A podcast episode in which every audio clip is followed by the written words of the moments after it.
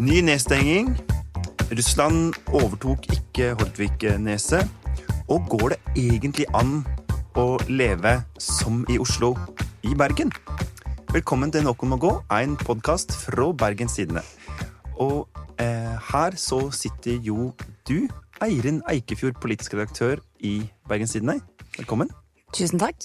Eh, og ved min side kvinnen som aldri går, Anne Råkan. Eh, jeg gir meg ikke. Eh, så jeg, mener, jeg vil si jeg sitter ikke ved siden av Eirin Eikefjord. Ingen trenger å få panikk. Jeg sitter to meter eh, unna og s- skuer liksom langt der borte sitter Eirin Eikefjord. Og eh, enda lenger unna så sitter faktisk vår kollega Jens Kiel. Hallo. Hallo. Godt å være tilbake, og tusen takk for eh, middels gode boligtips i forrige episode. Vær så god. Har du flyttet? Eh, vet du hva, jeg skal på visning i dag. Ja. Hvor skal du på visning, igjen, selv nøyaktig? Eh, jeg skal på visning eh, ti meter fra der du bor, Eh, I min bakgård, hvis det ja. faktisk. Så det, Det blir kjekt. veldig Da kan vi prate over hustakene, til glede for hele bo boligstrøket. Ja. Og det er omtrent det eneste vi kan gjøre, Det er sant. fordi nå har rett og slett eh, Bergen, og Norge for den saks skyld, eh, blitt stengt ned. Fordi på tirsdag så holdt da helse- og omsorgsminister Bent Høie en eh, tale til folket. Så hør litt på dette. Vi har varsla nasjonale innstramminger hvis smitten ikke går ned og det blir flere lokale utbrudd rundt i landet. Nå må vi gjøre det. FHI og Helsedirektoratet har anbefalt oss Og først og fremst var det jo en tale som kanskje var eh, befriende fattig for metaforer og dikt. Endelig. Altså det, er det, eneste, det er det eneste positive med det som kom på tirsdag. At du slapp sånne leilighetsdikt og masse, masse svada før en kom til poenget. Ja, For den der konfirmasjonssangskriveren til Bent Høie hadde åpenbart satt tidlig påskeferie. Dratt på hytten. Og det var veldig greit. Men eh, hvis jeg prøver skal oppsummere, hva er tiltakene som nå gjelder, hvis jeg skal si noe generelt om dem? Er det noen som vil prøve seg? Eh, nei, i i frykt for å ta feil Ja, vi kan ta de uh, Det viktigste først, Anne Rokkan. Nasjonalt skjenkeforbud. Ja, altså, jeg visste ikke om jeg skulle bare være Altså, jeg tok i det Altså, eh, fem over seks var jeg på bar på tirsdag. For å si det sånn. Da Mm. var det bare å Men det er det vel alle tirsdager? eh, Jeg pleier å komme litt seinere, Ja. men nå tok jeg bare løpefart og eh, hoppet eh, La meg under tappetårnet, på en måte, med sjakt. Nei, herregud. Mamma, eh, skru av. Men eh, nei, det, det var jo det kom, Jeg syns det kom litt brått på. Altså. Jeg bare plutselig skulle være pressekonferanse og eh, så jo kanskje komme at det blir noen sånne justeringer nå. Eh, Frem til påske eller før påske, men at det var sånn Nei, da er det skjenkestans og minimum to meter avstand. Eh, Og- Som også går veldig utover serveringssteder. Nå er det jo sånn På den Blom, for eksempel, snakket med eieren der i går. Han hadde vært og flyttet alle bordene med to meters avstand. Det er sånn tre bord igjen. Det er jo ikke I små lokaler er det jo ikke plass til folk lenger. Men også utrolig strenge regler for f.eks. hvor mange mennesker vi får lov til å ha inni vårt eget hjem. Ja, Maks to gjester. Som er en veldig underlig regel. For det betyr jo at for eksempel en familie på fire eh, For eksempel din familie. for eksempel min familie kan ikke dra på besøk til besteforeldre, men de kan komme på besøk til oss. Ja. Så de som har minst plass, de kan få besøk. Eh, ja, alle eh, disse reglene er jo eh, ofte veldig ulogiske. Motstrid all the way. Masse å kritisere de for. Og nå er det i hvert fall nasjon, full nasjonal nedstenging. Eh, mm. Gjelder uansett hvor mye smitte det er i de strøkene. Altså, Ja. Samme hva. Mm. Og det er jo kanskje det som er det mest provoserende. Men var det, var det på tide? Så vi har jo da en situasjon hvor det er et mye mer aggressivt virus enn det tidligere har vært. Og eh, disse utbruddene dukker opp raskere og blir vanskeligere å slå ned enn før. Men jeg opplever kanskje ikke at de har klart å formidle alvoret i den situasjonen. Sånn som her i Bergen så har det vært relativt lave smittetall. Steig litt nå, og det var jo egentlig bare flaks. Ja, det for passet denne eh, fint. Fikk de litt belegg for uh... Ja, for nå, i dag nå så er det 44 smitta. Det var 31 i går. Og det var 10 i mange dager Ja. på rad før det. Så- det høres jo ut som kanskje det var på tide, da. Og risikoen er jo selvfølgelig helt reell, den har de jo bedømt. Men det at de, jeg, tror, jeg mener at de ikke på forhånd har klart å formidle alvoret i situasjonen. Og da kommer jo kanskje denne nedstengingen Mm. som et mye større sjokk enn den hadde trengt. Ja, og det er jo Altså, jeg føler nå har vi hatt det, i hvert fall i Bergen har vi hatt en ganske har hatt kontroll lenge, og i veldig mange deler av landet så er det jo helt under kontroll. Og da eh, har det vært fint med den. Da, da kan man få styre seg litt sjøl. Da kan Bergen bestemme sjøl om de vil ha skjenkestans eller åpent til klokken ti, eller og, eh, hva de gjør andre steder i landet. Det er jo får de ta en liksom, kvalifisert vurdering på der de bor. Så det ble litt sånn eh, Vi er tilbake til den der eh, nasjonal... Sånn alle over samme kam. Det, det var litt lenge siden det Eller siden forrige høytid. Ja, nei, for jeg innrømmer glatt at da jeg hørte pressekonferansen, så blei jeg Jeg blei altså så rasende. Eh, og det er ikke sånn rasende på Bent Høie, eller sånn, altså, men bare sånn at det bare buldra i meg. Vi fikk en sånn skilue i posten fra eh, Bergens Tidende. Eh, sammen med en Kvikk Lunsj og en påskehilsen, og det var veldig hyggelig, og tusen takk for det. Men eh, jeg er jo en sånn, jeg er jo en ganske myk mann, så jeg tenkte jeg måtte finne noe jeg kunne pælme så hardt jeg kunne i veggen. Så den skilua røyk. det var liksom det Altså, jeg litt av tenkte. poenget er at ting skal knuse. Ja, men Altså- det turte jeg ikke, da. Altså, jeg Eh, knuser jo skapet når jeg blir sur hjemme, liksom. Jeg er jo Ja. delt men, eh, men du er jo på mange måter mye mer av en, eh, en mann enn jeg er. men jeg Fordi jeg syns at, at tiltakene jo er veldig var veldig dårlig begrunna. sant? Altså, hvorfor går grensa på to personer i eget hjem? Hvorfor ikke på tre? Hvorfor er det nasjonalt skjenkeforbud? Helt sånn uansett. Hva, um, hva er grunnlaget for, for de forskjellige reglene? Altså, det er jo, I smittevernloven så har de jo en plikt til å begrunne tiltakene. Uh, og de på en måte gjør det jo bare med å si det generelle trykket øker. Men man kunne jo sett for seg at man valgte et annet sett av regler. Altså at man eh, stengte alle kjøpesentre, men sa at det var lov med tre hjemme. Altså det jo, går jo an å tenke at, at, at andre måter å sette opp på ville gitt det samme. Så jeg bare kjente det var helt det var først i går kveld, ons- onsdag, at det begynte å roe seg litt. Grann. Um, jeg er veldig enig med det, i det med begrunnelsen. For jo mer inngripende, jo strengere regler de kommer med, jo bedre må de jo grunngis. Og det har de ikke klart å levere på. Og det er jo det som ofte svikter. Sånn, Ja. Her i Bergen for eksempel, i fjor høst med denne fempersonersregelen som bare ble tredd nedover oss uten noe Rett før jeg hadde ordentlig bursdag. redegjørelse. Altså sånn Veldig dumt. ja. Nei, Men jeg, tror, jeg, jeg får en sånn følelse av at åh, nå er de lei av å begrunne. Så når vi er sånn Men åh, men hvorfor det? Så bare står de sånn åh, Vet du hva? Det bare er sånn. Slutt å mase. For de er jo det gir jo ikke mening, så akkurat sånn de der topersons eh, hjemme, at du kan få besøk av to besteforeldre inn i La oss si du hadde et bitte lite hus, men du er jo redaktør, så du har litt større hus. Men eh, Det ristes beskjedent på hodet. Men, eh, men at ikke dere kan dra for eksempel, La oss si du har et større hus med hage og sånn, og besøke besteforeldre. Men det er jo Jeg tror de bare er sånn vi bare, vi bare kaster på sånn mer eller mindre logiske begrensninger, og så bare satser vi på at sånn summa summarum, så skal dere liksom bare gi opp. Ikke still så vanskelige spørsmål. Nå skal jeg bare komme drassende med litt juss igjen, for det er jo sånn at regler skal jo være forholdsmessige og nødvendige. Altså det skal jo stå i forhold til inngrepet og hvilken effekt det har. Så du kan jo alltid si at ok, vi vil unngå smitte i denne befolkningen, ingen får gå ut av husene sine, vi bare stenger alt ned. Og da Ja. vil du jo unngå smittespredning. Men det kan du ikke gjøre, for det er ikke forholdsmessig, det er ikke rimelig, det er ikke nødvendig i denne pandemien. Og det bommer de jo ofte på, eh, for de klarer ikke å Ja. Nei, og det var nok en av grunnene til at jeg blei så sur. Var at Forrige gang vi hadde en nasjonal nedstenging, det var jo etter juleferien. Så kom det jo ja, 3. januar med en sånn vi, ha, vi har lave smittetall, men vi frykter at de kan bli høye, så vi bare stenger ned absolutt alt.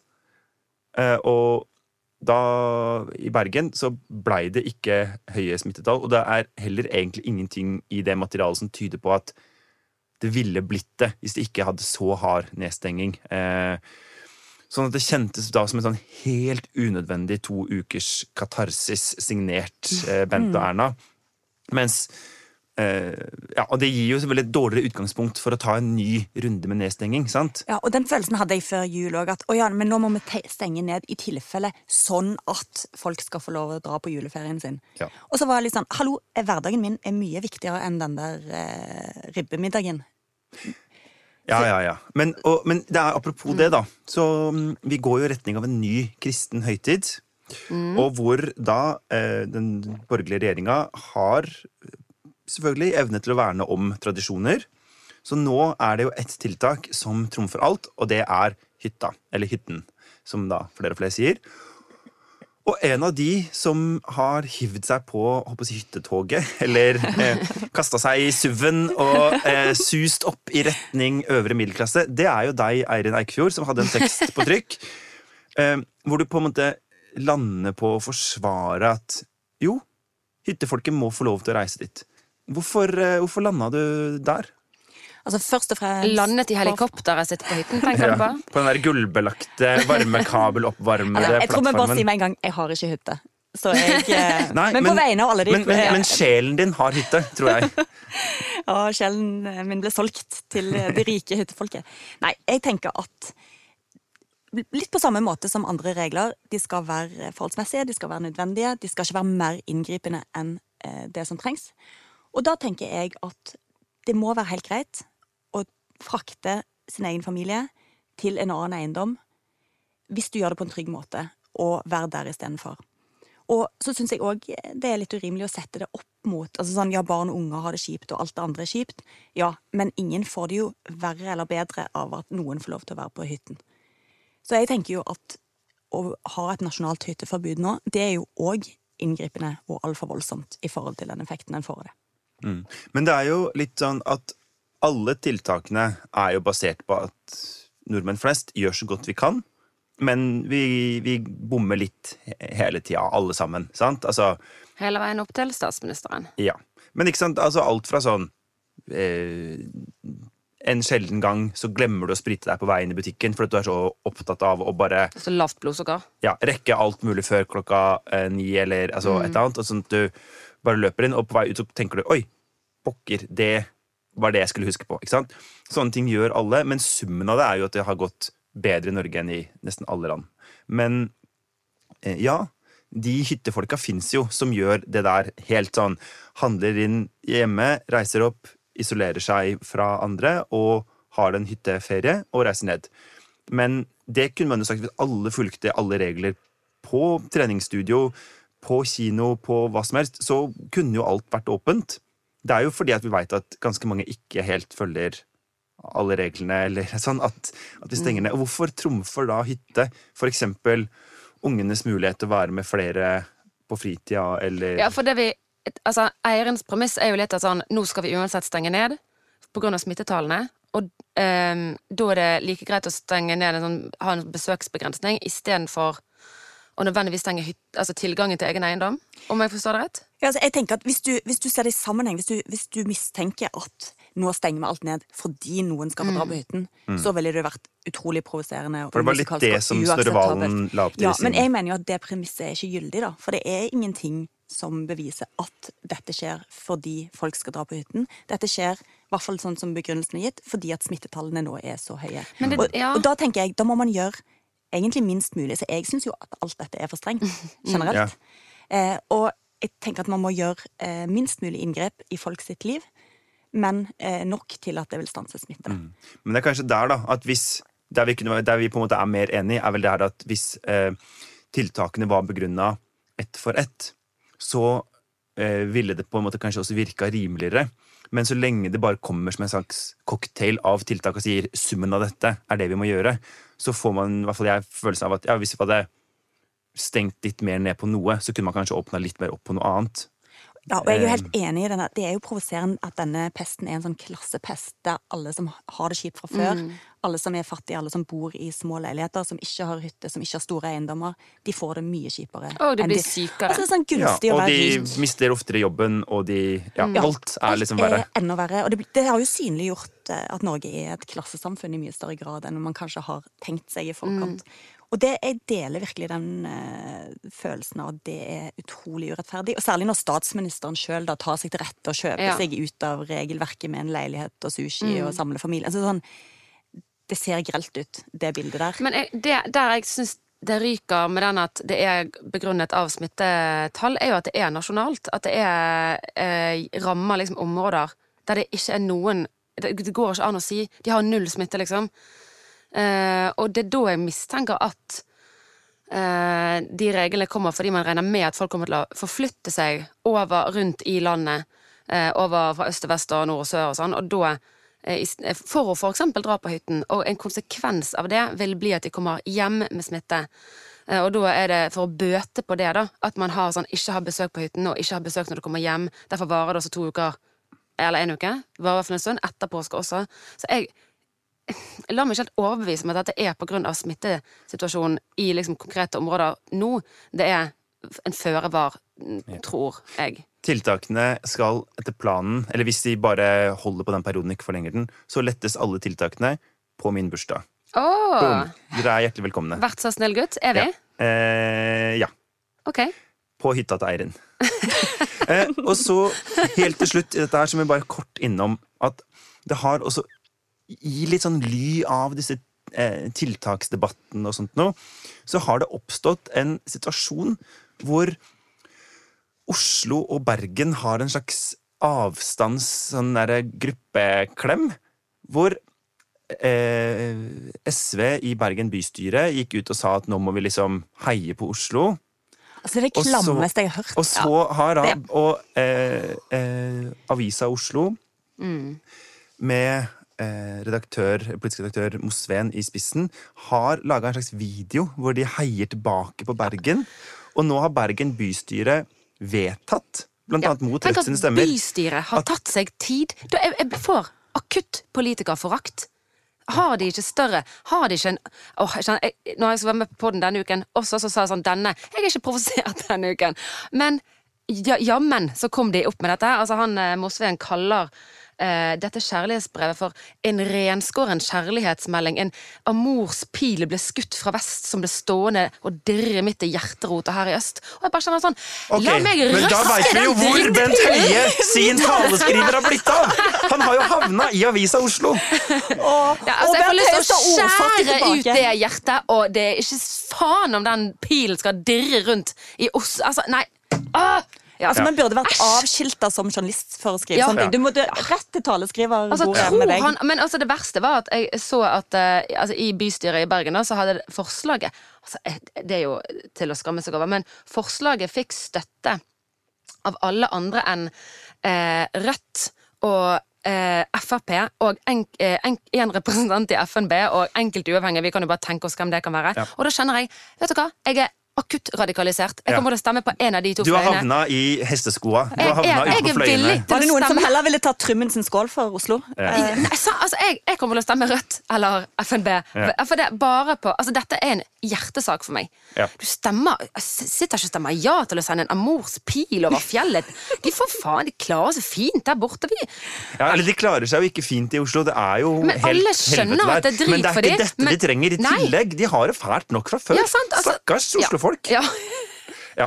Da, takk for meg. Eh, vi går videre. Vi kan ikke snakke mer om dette. Jeg kjenner Ja. eh, Jeg er eh, også gjennomradikalisert. Det er godt mulig at eh, kommentaravdelinga i Bergens Tidende fra nå av er sånn ren FNB, altså eh, bompengeliste-elskende gjeng. ja, eller Rødt. Vi får se. De, vet du hva? Og er- Ytterpartiet.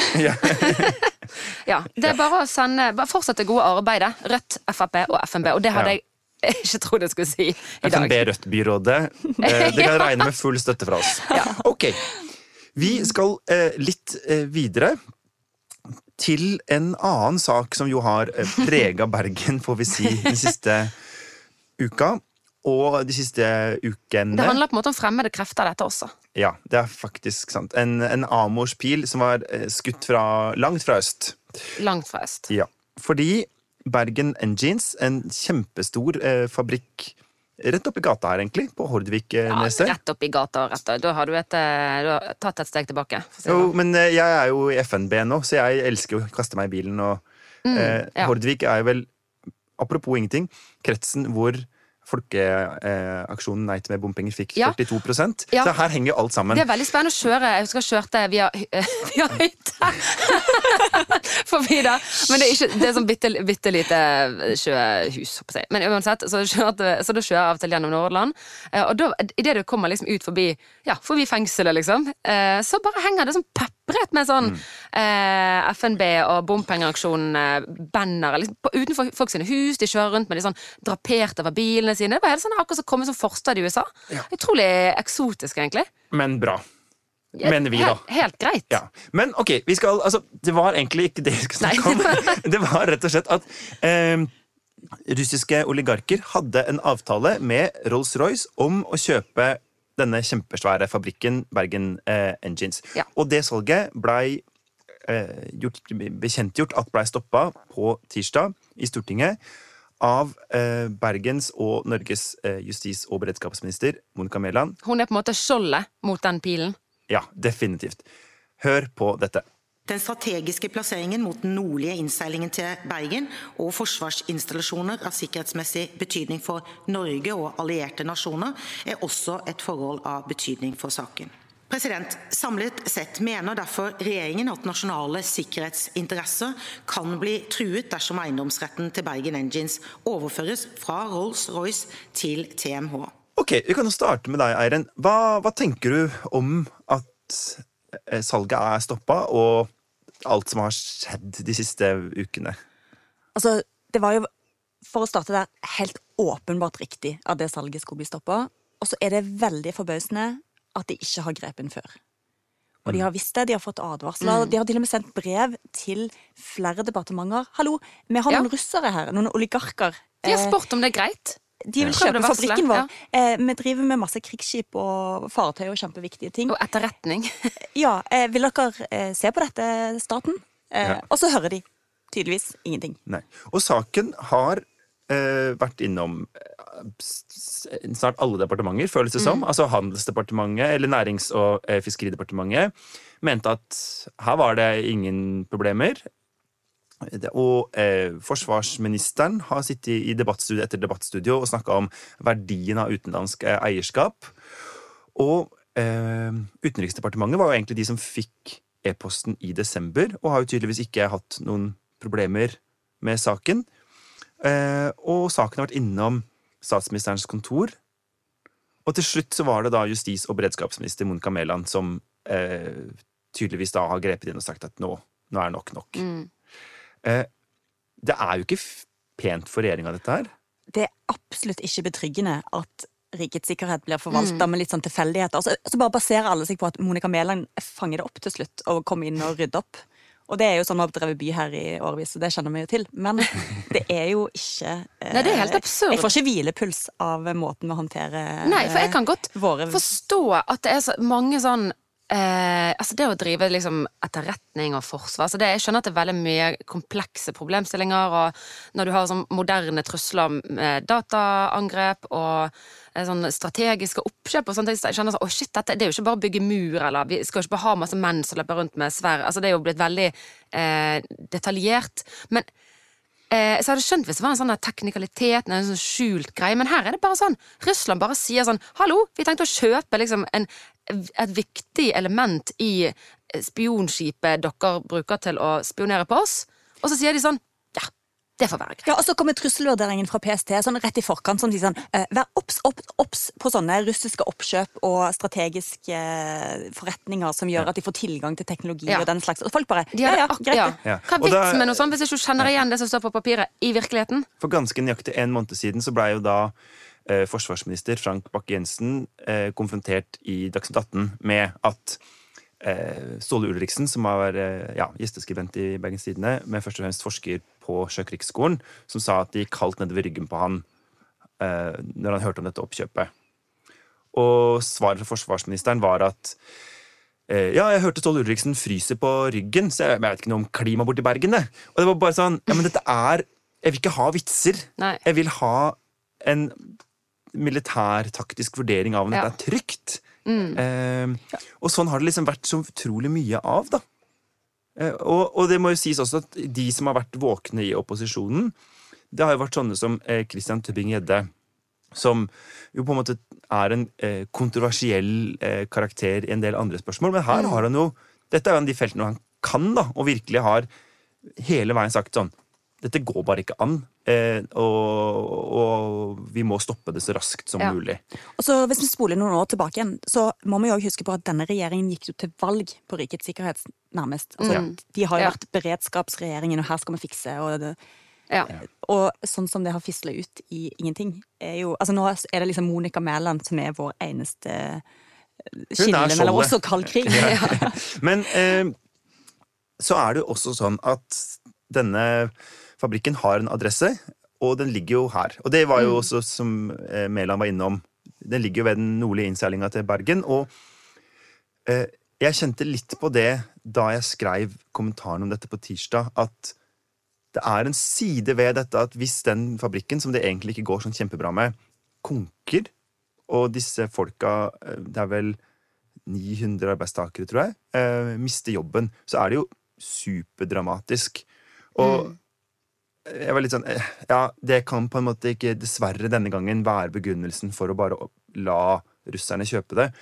Men har, har BT vært Har vi vært litt for ensidige og ikke vært på det sporet? Altså har vi, vi- Burde vi ha på en måte lytta mer til den sida ved det? Altså, det er jo ingen som har kjeftet på Bergen Engines, eller eh, Rolls-Royce blir det vel, som skal selge Bergen Engines, har vi forstått rett? Ja. ja. Eh, Det er jo ingen som har kjeftet på de. Altså, de har jo bare De ønsker seg ny eier, og det går trått med driften.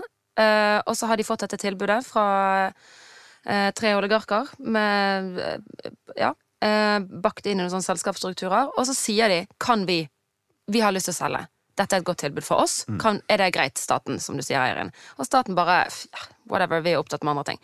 Uh, og så, så jeg føler det ingen sa Jeg føler de har kommet og, ganske greit ut av det. Altså, det er ikke de som har gjort feil. Nei. Og det er jo en ærlig sak å ville selge en Ja, bedrift. absolutt. Eh, og gå sikkert ganske bredt ut og finne en kjøper. Mm. Da er det sikkert ikke, altså jeg vet ikke, jeg har aldri vurdert å kjøpe en eh, batterifabrikk. på en måte. Det er ikke så mange som er i det markedet. Men det kan som jeg se for meg. jeg tenker absolutt er kjipt for de nå, er jo at de ga jo beskjed om dette i god tid eh, Mm. før eh, sluttføringen av de forhandlingene. Det var vel kanskje i hvert fall i desember. Ja. Så går det månedsvis, og så stanser staten Mm. hele greien.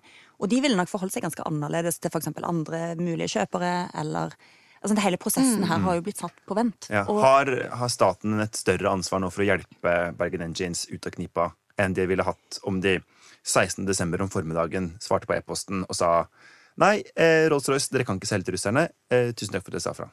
det tenker jeg. Den tiden som har gått, er ikke, gagner ikke eh, Rolls-Royce og Bergen Engines. Mm. Og det er jo utelukkende regjeringen som har somla på post. Og de må kanskje ta konsekvensen av det, da, tenker jeg. Ja. Hva er, men de kan jo på en måte ikke bare kjøpe det? De? Nei. Hva kan Hva de gjøre? ja, det veit vi kanskje ikke. Eller eh, Nei, har vi noe godt svar på det? Jeg tenker jo planen må involvere på en eller annen måte sende Monica Mæland dit. Men jeg vet ikke helt hvordan. Nei. Nei. For jeg tror, men det er jo litt sånn vår, vår svakhet, da. At vi Ja. som pressefolk kan si de må ta ansvar. De må fikse og så, Ja, og så veit ikke vi helt hva det betyr engang. Nei, og det er sikkert ikke så enkelt å finne kjøpere til Altså Kongsberg Gruppen vil ikke ha det, så da Ja. Nei, Men det finnes fins jo andre som driver med dette, og som ikke er eh, Russland, Iran og Kina. Men får vi håpe. Men vi vet ikke om noen, så det får de andre finne ut av. Eh, la oss eh, med andre ord ikke søke jobb i eh, eh, rustningsbransje, rustningsmeglerbransjen. For der egner vi oss åpenbart eh. Nei. ikke. Rett og slett. Vi får sitte trygt bak våre papirbunker. Ja, Som er sånn vi lager avis. Riktig. Ja. Klipper ut bokstaver Ja. fra gårsdagens avis for å skrive dagens tekst. ja. For å sende sånne små trusselbrev. Eh, nei, det får liksom få god eh, utnyttet eh, arbeidstiden og heve min lønn med, med stolthet og glede. Perfekt. Ja. Jeg lurte på om vi skal videre til den faste spalten Å Vestland. Å Vestland. Og der eh, skulle nå Morten Myksvold spurt meg om hvordan eh, dette går. Og Ja, Jens, hvor skal vi i dag? Ja. Og vi skal på en måte til Oslo. Æsj. Vi har allerede vært gjennom Oslo, det gikk Ja. ikke bra. Og vi skal innom dagens eh, faktisk tredje regjeringsmedlem fra Høyre, nemlig Erna Solberg. Fordi hun hadde jo eh, lenge gjort det klart at hun hadde tenkt å reise hjem til Bergen på påskeferie. Som hun jo på en måte formelt sett har råd, lov til, fordi at hun er jo en slags langtidspendler fra Er det Skjold det huset ligger på? Ja, jeg tror det. Ja, til eh, Oslo. Men som er litt sånn rart, i og med at hun jo bor i statsministerboligen. Ja. Så, Hun er vel mest, altså Ja. Jeg har bodd der i snart åtte år, hun kan kalle det hjemme, Ja, tror jeg. hun- og så har hun da eh, gjort noe klart at nei, det blei ikke bergenspåske. Eh, påske. og det var kanskje litt Eller sånn, i og med at hun jo er slags sånn festedame, så er det fint for oss at hun ikke drar med seg pesten over fjellet. Men hun svarte da følgende da Dagbladet eh, spurte henne om saken. Mine påskeplaner er å bli i Oslo. Jeg hadde planlagt å reise til Bergen med familien, men eh, med de nye innstrammende tiltakene vi har, så har vi valgt å bli i Oslo. Eh, selv om vi har egen bolig og jo en hage som burde vært stelt i Bergen. Men å kunne leve det som, som om vi var i Oslo i Bergen. Men Og det er da mitt spørsmål er Fordi Erna Solberg vil, altså, mener at man kan leve som i Oslo i Bergen. Går det an? Altså, hva, eh, hva Mm. er det å leve som i Oslo, og kan man gjøre det i Bergen? Jeg tenker umiddelbart gå uten regntøy og støvler. Ja. Og Det jeg kan tenkte du jeg på ikke på i vei til Bergen. jobb i dag. At sånn, dette, det, å, det, å, ja, det å gå ut uten en paraply, eller liksom full rustning Selv på en solskinnsdag, det Mm. gjør vi ikke i Bergen. Vi har alltid backup. Jeg husker jeg på et eller annet tidspunkt ble oppmerksom på begrepet småsko. Eh, som det er tydeligvis noe de snakker om i Oslo. Jeg var litt sånn eh, Fins det i denne Ja. Altså, vi går med flytebrygger for å overleve i denne byen. fordi det, altså, for det var jo det mest sånn åpenbare for meg da jeg flytta hit, var at hele garderoben måtte skiftes ut. Eh, rett og slett fordi at det er ganske annerledes å leve som i Bergen i Bergen. Men hva, hvordan er mentaliteten i dette her? Fordi da jeg eh, flytta over hit, så i hvert fall noe av det som jeg har blitt oftest møtt med, det er jo folk som spør ja, Jens, eh, er du ikke enig i at utelivet i Bergen er like bra som i Oslo? Ja, Jens, er du ikke enig i at vi har like mye bra konserter som, som de har borte i Oslo? Ja, Jens, er du ikke enig i at eh, det er like, like mye kule butikker og liksom sånn? Ikke sant? Altså, folk er, for de som er i Bergen, er jo i en sånn der evig forsvarsposisjon Ja. mot nummer én-byen, sant? Og den derre eh, gallerlandsby-mentaliteten, den finner du liksom ikke i Oslo. Altså Alle i Bergen må jo på en måte forholde seg til at de bor i Bergen, mens alle i Oslo Samme for dem om de bor i Oslo eller ikke. Altså det, ja. Ja, for det ja, Når du er i Bergen, så er du hele tiden klar over at du er i Bergen. tenker jeg. Du er hele tiden sånn her går, Selv når du som meg aldri forlater Det er alltid byen. noen som gauler sånn bergensdialekt etter deg. Ja. Det er ikke mulig å blokke ut. det er riktig. Det er vanskelig å Altså når man ikke har annet stemmeleie enn gauling. Fistel. Fistel, ja. Eh, Å, merket jeg knakk litt i fistelen! Eh, og, så er det, og så snakker du tilfeldigvis bergensk. Da jeg havnet i den ulykka, så er det jo eh, helt riktig det er Eirin Eikefjord, som ikke er fra Bergen, at det er plagsomt på gaten. Eh, men eh, nei, altså det er jeg tror den herre Vi vil ikke løfte blikket nok og, og se hva de har der borte, liksom. Så vi er bare sånn Se, vi har konsert! Vi er butikk! Mm, vi skal festival! Vi har konsert! Mm, mm. Og så må du liksom bare Du må bare lukke øynene og sånn, dykke sånn dypt ned i den syltelaken, og ikke forholde deg til eh, hva de eh, har utenfor, utenfor vår verden, da. Men jeg tror eh, Altså, det er Jeg tenkte på det, hva er det hvis jeg hadde bodd, Når jeg er i Oslo, så er det ofte på en sånn type ferie. At jeg går inn i sånn Jeg skal en tur til Oslo for å besøke noen venner, og det, det er faktisk nesten alltid fint vær. Og jeg gleder meg og eh, skal gå i butikker og spise på steder som vi ikke har hjemme. Så jeg har et veldig sånn inntrykk av at hvis jeg hadde flyttet til Oslo, så hadde det blitt sånn jeg en positiv og livsbejaende ung mann som går rundt og er sånn Ja, kjøper sykkel. Du ville skifta kjønn umiddelbart. ja, ja, men jeg, jeg, jeg ville sikkert blitt mer sånn ambisiøs og altså, blitt et liksom, litt bedre menneske, på en måte, men mistet eh, Ja. Eh, vi kan jo kalle det edgen, for å liksom løfte litt opp, men altså, ja, raseriet og frustrasjonen som ligger litt sånn Du hadde blitt sånn hyggelig. Hyggelig! Ah, men det tenkte jeg også på. Imøtekommende. Ja. Ja, at måten sånn når Hvis jeg ringer for eksempel Skildar som bor i Oslo, så er de veldig sånn Hei, hei! Sånn, altså, de har sånn, mye sånn fraser. Åssen går det? Ja, men vi har sånn, Og så skal vi prate litt sånn Nei, det går bra, hva med deg? Og så sånn, Egentlig så har ingen av oss lyst eller tid eller interesse av å snakke om dette. Og jeg bergensere hopper litt eh, der. Det er sånn Hei, hei, går det bra? Ja, fint. Eh, rett på sak, Ja. liksom. Det, Ok, Alle Oslo-baserte kilder i Anna Rokkans eh, nettverk vet at de første ti minuttene av samtalen hun hater dem. Altså, det er skjønn, jeg sitter og sier sånn Ja, det går fint. Og så tenker jeg sånn Hæ, vi kjenner ikke hverandre. Hva Nei, nei, Dette er sånn, jobbsamtaler, liksom. Det er sånn, jeg, når jeg ringer kilder, så starter jeg alltid med å skravle i ti minutter. Ja, jeg har hørt at det er sånn, det er- Du skal sette på klokken, så må du klarfylle sånn to minutter med babbel for bare for jeg vet ikke, pleie Men jeg elsker det. Jeg syns det er så koselig. Ja, men du er fra Hvor var det igjen? Jeg vet ikke. Oslo. Men eh, jeg tenkte jeg kunne bare høre litt med dere, fordi at det finnes jo en del eh, Altså, masse folk bor i Oslo, og de har jo ikke så veldig eh, ja, De har ikke noe forhold til. De kunne liksom like gjerne bodd på Lørenskog eller Oppegård eller et eller annet. Men så er det jo en del folk som bor i Oslo, og, og er veldig De bor som i Oslo i Oslo. Så jeg tenkte vi kunne prøve ut liksom, Kunne de bodd som i Oslo i Bergen? Hvis dere skjønner ja. håper leken, Ja, eller at Hvis de hadde kommet hit i den mentaliteten, så hadde vi, selv om de gjorde vanlige ting, de gikk på butikken, gikk på jobb og Ja. gikk med deg og sånn, så hadde vi tenkt sånn Hva, hva er det du driver med? Så Ja. de hadde skilt seg ut i en sånn nyanse. ja. Altså, vi har jo en søsterpod som heter eh, Aftenpodden. Ja. Eh, og jeg har hengt meg litt opp i hvordan eh, Sara Sørheim, en av karakterene der, altså, nyhetsredaktør i eh, NTB, som det også kalles. beskriver sin hverdag når Mhm. hun skal på jobb. Og da eh, snakker hun ofte om at hun sykler, eh, kjøper seg en caffè latte, holder den i hånden og sykler til jobb. Ja. Og for meg er det helt sånn Dette er en utenkelig situasjon.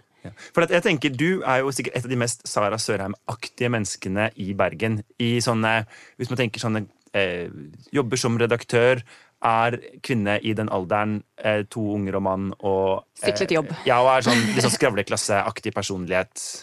Og drikke sånn jålekaffe. Jeg, jeg identifiserer meg med det. Men hvordan i all verden For det første, jeg skal få tak i den kaffen på min vei, som bare er fem kilometer fra jobb. Eh, Fins ikke caffè latte på det strekket. Og så eh, sykle liksom 200 høydemeter nedover med kaffen i den ene hånden. stiv kuling. Rist, stiv Ja. kuling. Det er som en Ja. uvær. Eh, Jeg må jo holde begge hendene på bremsene bare for ikke å dø i eh, Nattlandsveien. Um, så det er en ting. Altså, sånn, når du kommer, og, og veldig upraktisk, egentlig. da altså, Hvorfor gidder du å kjøpe kaffen først? Holde den i hånden i 20 minutter, og så Ja. skal du Men man, bare kan, man kan det. Hvis, man kan gjøre det hvis man vil. Men det er for at når du sykler forbi de andre skravlekassekollegene, så skal du kunne løfte kaffen til en sånn litt sånn kjekk hilsen. Hei sann! Hei sann, åssen går det? Ja, snakkes! Og så bare sånn forsvinner du videre. Og her vil det vært sånn Ikke mer kaffe igjen. Det som er oppi koppen, er rein. ja, ja, ja. Og ditt eget blod, for at du har dødd tre ganger Ja, så, men det er det jeg føler at alt i Oslo er litt mer sånn beleilig. Ja. Det så... Men det er jo veldig jeg, jeg, Når folk spør om på en måte hvordan jeg har det, så tenker jeg jo veldig ofte at jeg er som en slags sånn fetter Anton i livet. ikke sant? Og det tror jeg veldig få vestlendinger, eller generelt folk i Bergen, da ville sagt sånn at de føler seg som en fetter Anton. Men jeg synes bare, ja, det neste går liksom veldig greit, jeg har mye flaks og sånn. Men et annet, en annen personlighet, da, det er jo Exit-gjengen. Det er veldig Oslo. Eh, Veldig Oslo. ja. Kunne Exit-gjengen levd som i Oslo i Bergen? Altså, spørs, det er ikke for å bli helt annerledes, men spørsmålet er om de gjør det i Oslo i dag allerede. Altså, NRK er veldig opptatt av å si Ja, dette altså er sånn, based ja, on a true story. Ja, og hvilket sånn. Utested skulle de gå altså, Sakken. Vikken. Altså, hvor, De hadde bodd ø, liksom ut på Stillelandet og gått på Sakken. Nei, de hadde gått på sånn, eh, sånn Kali-bar, eh, som er den eh, Jeg tror den er nedlagt nå. Jeg skal innrømme jeg har ikke vært der på noen år, men når jeg jobbet i utelivsbransjen sjøl, så var vi av og til på Kali-bar for å drikke sånn billige shots eller noe sånn. Og da, de hadde blant annet et sånt bord med en glassplate, som var bordplaten, da, og så en, under den så lå det en plate til, og der lå det sånn drysse, sånn at du kunne se ned på en sånn slags utstilling inni bordet. Og der lå det drysset rundt eh, sedler og en eh, stringtruse eh, og sånn til pynt. Eh, og alt var veldig sånn falske lysekroner og veldig sånn eh, li, veldig prangende sted. Jeg tenker sånn, hvis det hadde faktisk, hvis de hadde bare skrudd opp prisene nok, Ja. og lagt en levende kvinne eh, oppi det glassbordet og liksom hatt sånne eh, eh, utrydningstruede dyrearter eh, her og der på veggene og sånn, så ja, kunne det gått. Men jeg tror det er Altså, hva er det de gjør, da? De tar mye dop. Ja. eh, jobber i finansbransjen, og så ligger de med prostituerte. Og det er jo folk i Bergen som i hvert fall gjør de tre tingene hver for seg. Men jeg tror for Eh. De som jobber i finansbransjen i Bergen, de går i allværsjakke, og så er de sånn derre eh, sporty folk som går Stoltsen. Ja, opp, nei, ja jeg, det er jeg helt enig i. At jeg tror at de som lever den livsstilen eh, Jeg tror det er faktisk mer studenter. Eller folk som ikke er i, liksom, fanget i et ekte Ja. liv. Ja. Og du ser jo sånn som når det er nordiske mediedager, sånn at hele Oslo kommer til Bergen i mai, så prøver de jo å arrangere ting som skal ligne på sånn som folk vil ha det i Oslo. Og da er det jo enten Ole Bull eller oppe på taket av Exhibition der, der Jakob Aall Ja, og, stemmer. og ingen av de Ja. stedene er så veldig Oslo. Eller det er ikke så veldig sånn Nei, og de er liksom sånn, de er ikke glamorøse nok, de er bare litt skitne. Ja. Eh, men hva med for eksempel kongefamilien? De er jo et veldig sånn oslosk fenomen. Jeg Mm. tror at de kunne fint bodd borte på hva er det for Gamlehaugen. Gamle Ja. Å ja, de hadde trivdes Ja, der. og liksom hengt med sånne folk i Fana Høyre, gått på medlemsmøter, eh, kanskje vært i kjegleklubben. Gått på Byfjellet i Nikkers. Jegleklubben, mener du? Mm, ja. Ja. Eh, og bare hatt det, hatt det liksom superfint. Jeg tror de, fordi at Bergen er nok kanskje et bedre sted for gamle penger enn for nye penger. Det tror jeg, og det er jo en veldig sånn ærverdig øh, Ja, en adel. Vi kommer ikke unna det i Bergen heller. Altså, det er noen familier som er veldig historisk. De, de vet man om, liksom. Ja. Og jeg tror det er en veldig Jeg tror det er et behagelig sted å være rik. Fordi at de er, har en kledelig beskjedenhet. Eh, det er litt sånn Herman Friele-stil over de. De er ikke så prangende, og de eh, har stor liksom, aksept for andre. Med penger også. Det er ikke en sånn, derre, eh, sånn peniskonkurranse eh, som jeg ser for meg at de har mer i Oslo. Da Da du må hele tiden dytte de her pengene foran deg. Det er litt sånn stilig hvis du er veldig rik og tar et tak i kjeledressen i hagen eh, sammen med gartneren, selvfølgelig. Ja. For det var jo egentlig det Erna Solberg ville. Hun ville eh, hit for å fikse i hagen. Ja. Nå må hun Mm. gjøre det i noe som hun kaller for Oslo. Ja, men kan det er si det aller siste vi må innom. Eh, ja, Ge- Ja, eller jeg bare synes det var morsomt når jeg så det sitatet, da.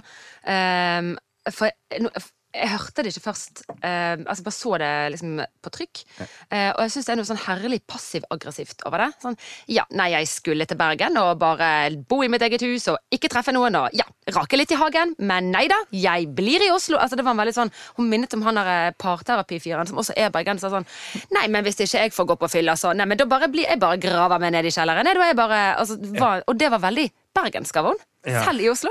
ja, det var litt fint. Ja, Nei, men uh... Du kan, ja, det, går en, det er bitte lite snev av sjel igjen i osloerne også. ja. Så litt går det kanskje an å Litt leve trass. eh, Det er kanskje lettere å leve som i Bergen i Oslo enn å leve som i Oslo i Bergen. Ja, Ja. kanskje. Ok, er det noen som må gå denne uka? Han er ja, unnskyld. Eh, Oi! Kom igjen! han der eh, Vi må takke Han er, han er Amors pil. Han er Ja. eh, Altså Jarle Bratte Espe i Bergen SV og eh, eh, Erik Mosveen i Avisa Oslo. Altså De kan gå fra hver sin by, skal de møtes oppe på en eller annen hytte midt på fjellet. Finse, Og der kan ja. de bare bli. Ja. Og så kanskje ja, russerne må gå. De måtte snu tank, tankskipet, faktisk, krigsskipet sitt, og seile hjem. All right. Da er det sånn at eh, det kommer en ny episode hver torsdag.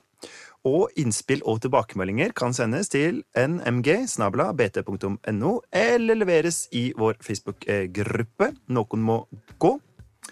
Intromusikken den var 'Bergensere' av Bjørn Torske, og produsenten vår han heter Henrik eh, Svanevik.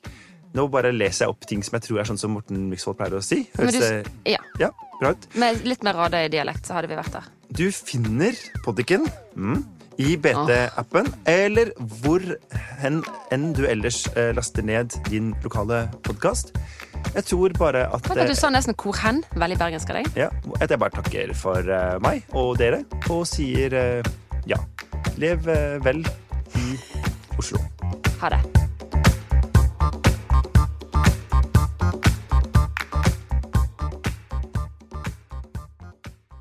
Oslo, eu Oslo. Fy faen, Jens, er det lov å si? Nei, det er ikke lov å si.